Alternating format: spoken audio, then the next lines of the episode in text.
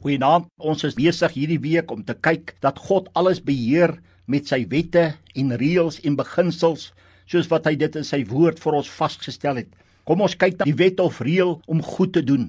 In Galasiërs 6 vers 9 lees ons hierdie woorde en laat ons nie moeg word om goed te doen nie, want op die regte tyd sal ons maai as ons nie verslap nie. Wat 'n wonderlike verwagting gee dit nie vir die een wat goed doen nie. Kyk na die grens wat God gestel het. Hy sê en laat ons nie moeg word om goed te doen nie. Is dit nie baie keer ons probleem nie? Ons trek weg en ons begin goed doen aan ander en ons begin goeie dinge doen en dan hou ons sommer net op. Baie mense soos 'n jagluiperd.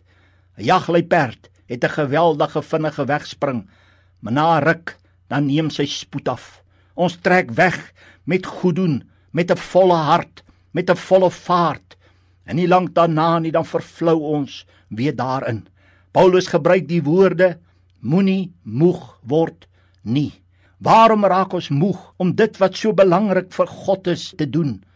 Weet jy waarom raak ons moeg? Omdat ons dalk iets dadelik terug verwag. Hoekom moet ek en jy goed doen? Uit dankbaarheid oor wat Jesus vir my gedoen het en elke dag nog doen. Hy het sy bloed, sy lewe, sy alles gegee en elke dag sorg hy vir ons omdat God dit van ons verwag. En dan sal ons nie moeg word nie omdat ek juis wil lewe en doen soos hy dit op die aarde gedemonstreer het omdat Jesus Christus se natuur is om goed te doen.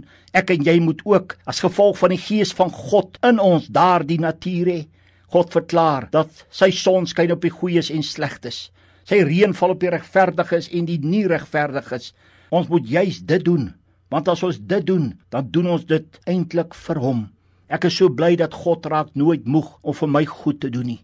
Hy hou aan en aan en baie keer dan verdien ek dit nie eers nie, maar hy raak nie moeg om dit vir my te doen nie.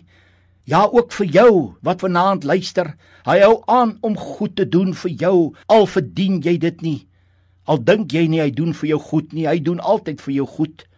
Die reël of beginsel of grens het 'n wonderlike belofte as ons daarin bly en dit is die laaste deel van vers 9 want op die regte tyd sal ons maai as ons nie verslap nie.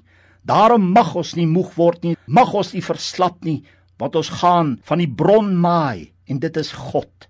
Mag jy maai omdat jy so goed doen, omdat hy dit elke dag doen. Amen.